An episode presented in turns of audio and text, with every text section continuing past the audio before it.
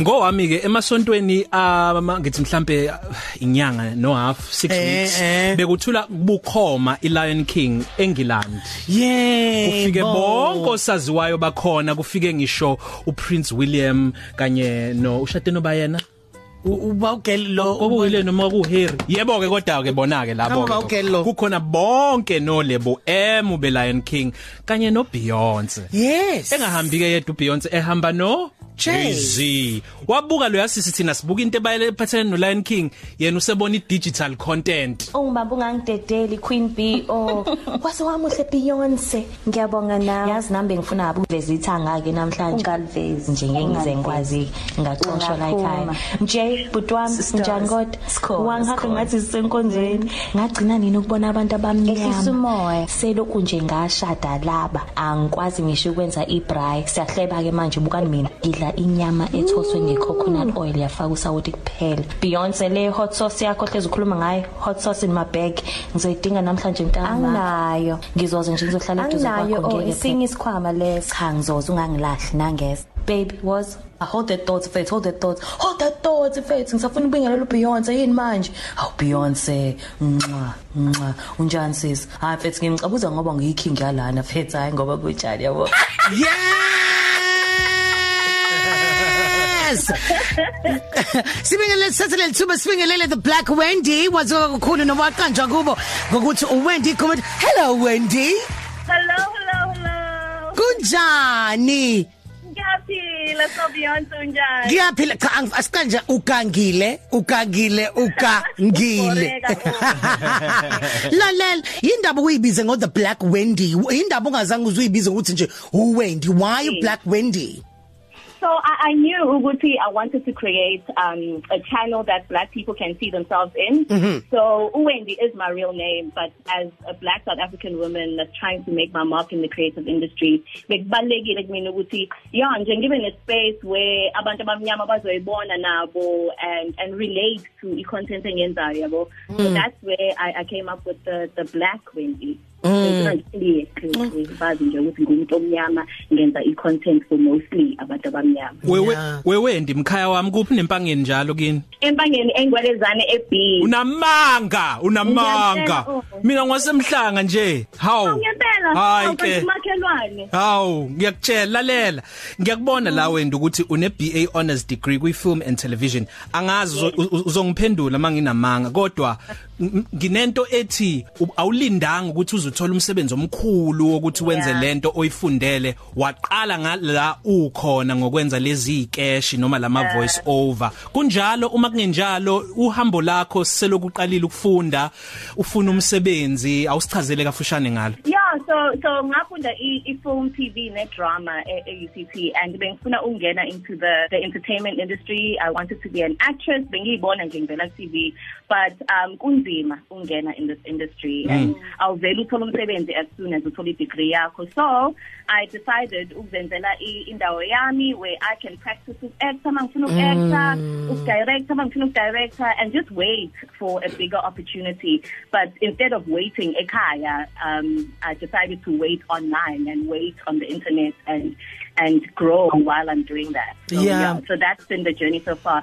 So you know 2 years manje nginale channel and, Wow. yeah, I'm just having so much fun. It's Wow. a lot of fun. Yeah.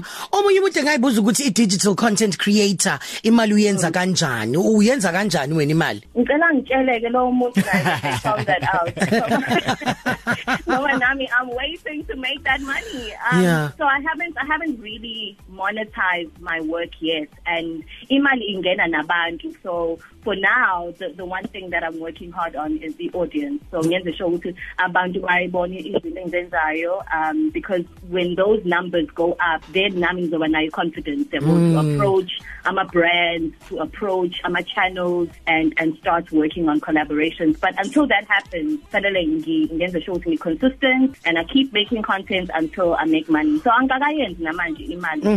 Qhube- that's why ngine 9 to 5 qhubeka kodwa sisiwami ngoba udaba lakho lucishe lifane nolika Coconut Kells lo owenza isatire ngoba naye kade eqalile naye enza ama video alolo hlobo enganaka kodwa uze wamenywa kumabona kude yakhumbula leya interview ayenza sigebenga sigebenga.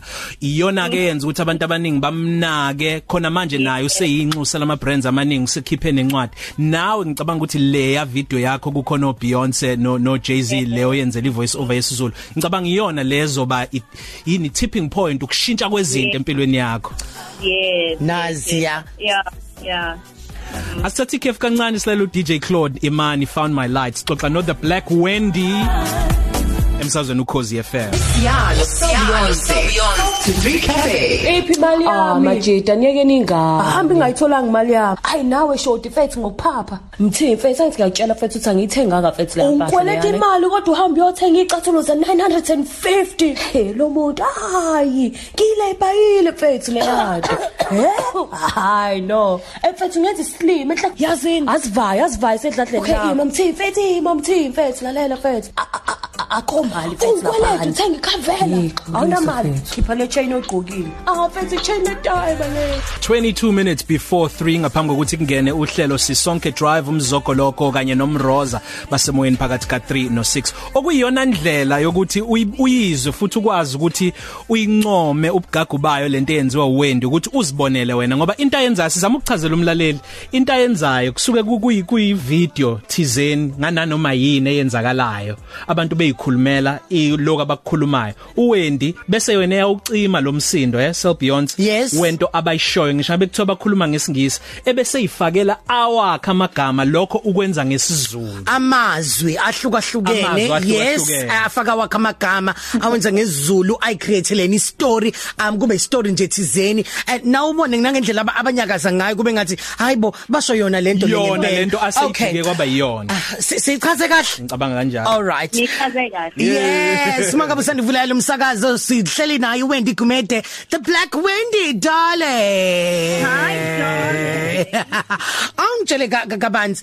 Um um a- ake sibuke ke manje ke um laba abafuna ukungena eh, kulomkhakha sikuwona njengamanje. Ungasho ukuthi kubalekile ukuthi uhambe uye esikoleni uyokufundela lokho o- eh, eh, esi- Umkhakha kuwona. Eh Yeah, ngingasho ukuthi kubalekile if if ukwazi uf- if unawo amandla ukuthi uhambe esikoleni and study anything in the entertainment field then yes do that. Kodwa um I don't think ukuthi it's only for abantu abakufundelile. If you talented uNkulunkulu nje wakunikeza leyo gift leyo. That gift is yours and you can start wherever you are um to get yourself there. So yeah. It's Yeah. important kodwa it's not necessary. Yeah, kungani wewe wendi wakhetha ukuthi uwenze ngesizulu aw- awakho? Lama video mawusuwajikile. Kungani na ungaqhubenganga kwa kwayisi isingisi kungani wakhetha isizulu? angizwa? Kungani wakhetha ukuthi uma usuwajika ke lama video Aha. usuwenza ama voice over kungani was- wakhetha ukuthi uwenze ngesizulu? ingoba mina mangicabanga ikhanda lami ngicabanga ngesiZulu Ah. so ngesikhathi ngibona i- i-video ka Beyonce le e- ebeku internet la ebebuka khona i-basketball game beno beno Jay-Z Yebo. wonke umuntu on Twitter and Instagram bebefuna ukwazi ukuthi ucabangani yena so mina ngacisha umsindo and ngabuka ubuso bakhe ngacabanga ukuthi mina sabe ngiku Beyonce njengoba kwenzakala lento lena mina ngabe ngicabangani so ngaqala lapho ngayenza ke leyo video leyo yokuqala and nayo yaba viral so ngabona ukuthi oh abantu bayathanda lento ngaqhubeka ngakwenza and ngi- ngiyacabanga ukuthi kahle ukuthi uBeyonce akhuluma isiZulu Yes, yeah. I mean I, I mean lento yenza ayihlukile um, a- a- awukho kude kakhulu. I mean kuyi- kuyi- kuyi- kumuntu o- o- o- o- omqondisi phecelezi director or noma uproducer. Ake sibheke ke manje ke inhlelo siyibone kumabona kude la em- em- eningizimu Africa. Ilipho Yeah. Ongahalela ukulidirector? uyabona nje njengoba ukhozi lunayo inamba yami ngizocela nil forward nje ni forward lisibaya Oh. Okay, sweet. Ngifuna nje ukusebenza nawo ngesibaya isibaya is is amazing and ilapho ngabona khona ukuthi yazi you don't have to be something else to to, to entertain abantu ngaba entertain nje abantu ngelanguage yakho and mina sengihlala eCape Town ke and Yeah. eCape Town for 8 years so it's izulu sami sesithi unyamalala kancane kodwa um ngabona yazi you can you can actually use your language to entertain the country. So yeah isibaya would be my favorite. The queen is also good. Okay. Engifuna ukwazi wendi eh, wakhetha uzowaphatha kanjani ama video ozo- ozowajika uwenze lokwakho kokuqala lokho? Futhi okunye une equipment une studio une Une team. team. ukuhlanganisa kanjani? Ngoba mawusuyibuka lento uyabona ukuthi mkhulu umsebenzi o- o- o- Yeah. osetshenzwe la. Uh, angisasibaweli istudio nkosi yami anginaso istudio. Ngifike ngihambe nje ngemsebenzini uma ngibuye emsebenzini ngi I switch on i-camera yami and and work from i- i-bedroom yami. I don't have a studio. And ngesikhathi ngiqala i-channel yami all I had was i-cell phone so ngangithatha nje i-cell phone yami ngivula amakhethini for i-lighting nganganayo i-lighting namanje futhi i-lighting anginayo. Yeah. ngivula amakhethini and if I have an idea switch on ifone yami and just record kanjalo. Um and ama video manje usually ngangiqala mina ngici ngicinga ivideo ngibheke ngize ngithole mangithola futhi ngicabanga ukuthi okay let me be creative lana ngifaka wama amazwi nakho konke. Kodwa manje abantu that watch my channel I call them e-tribe yami so my tribe tags me kwama videos on Twitter tags me kwama videos on Instagram and then ngidecide ukuthi yiphi video engizoyenza. For that week bese ngiyayenza ke sibhizi sibuka Miss South Africa wena wena usucabanga ukwenzeka ekha- Umsebenzi. ekhaya lika Khaya Dlanga yebo You can do this, you can do this. ukhaya dlanga nje ngathi ngayibona Will you yathi ch- say I- awu awume ke sizwe Okay. How will you change? awume kancane ke sizwe consequ- con- How will you change the concept? Yes, yes, bengiyapi.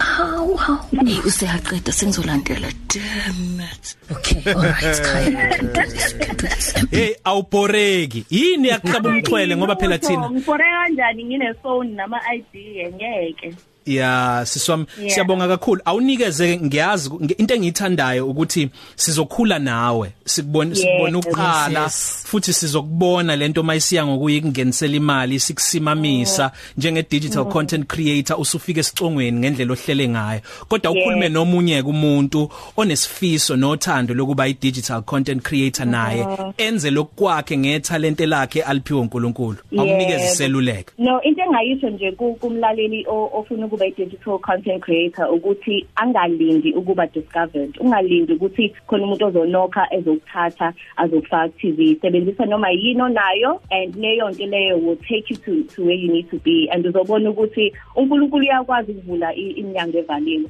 so just believe in yourself. Nothing is impossible for you. Bengazi ukuthi ngi- ngoke ngibe okhozini just Ah. because ngenza amavidiyo ugogo wami nje manje ngiyamazi ukuthi uhleli ulalele mina okhozini just because ngakholwa ukuthi lento le ngiyenzayo noma ngabe incane khona la izongisa khona. So naye nje angalindi. Wow. salisukhonza ke kuyena nakwabanye ekhaya? Angizwa? Salusukhonza kugogo nakwabanye abakulalela Oh, ekhaya? Nkosi yami ngikhonzela ugogo umazondo uma empeleni usiswami nokwanda all my tribe that watch my videos on YouTube and subscribe ngiyanthanda nonke thank you so much for the support um kukude la siyakhona kodwa sizofika amasamba sonke hayi kuzofika Yeah. siswama ama handles akho ke onke nam- nama YouTube channels utholakala njengoba Yeah. So at the Black Wendy on Twitter, at the Black Wendy on Instagram, and the Black Wendy channel on YouTube. Kumahali subscribe uzobona nje ibutton el- elibomvu elithi subscribe bese nje uyalipressa ke and then you'll be in the tribe. Siyabongela siswami bemnandi interview yakho yokuqala e live Yes. Thank you so much. Siyakuthanda Black Wendy bye darling. Bye. City Cafe. Ilunch yakho ayifani neyizolo.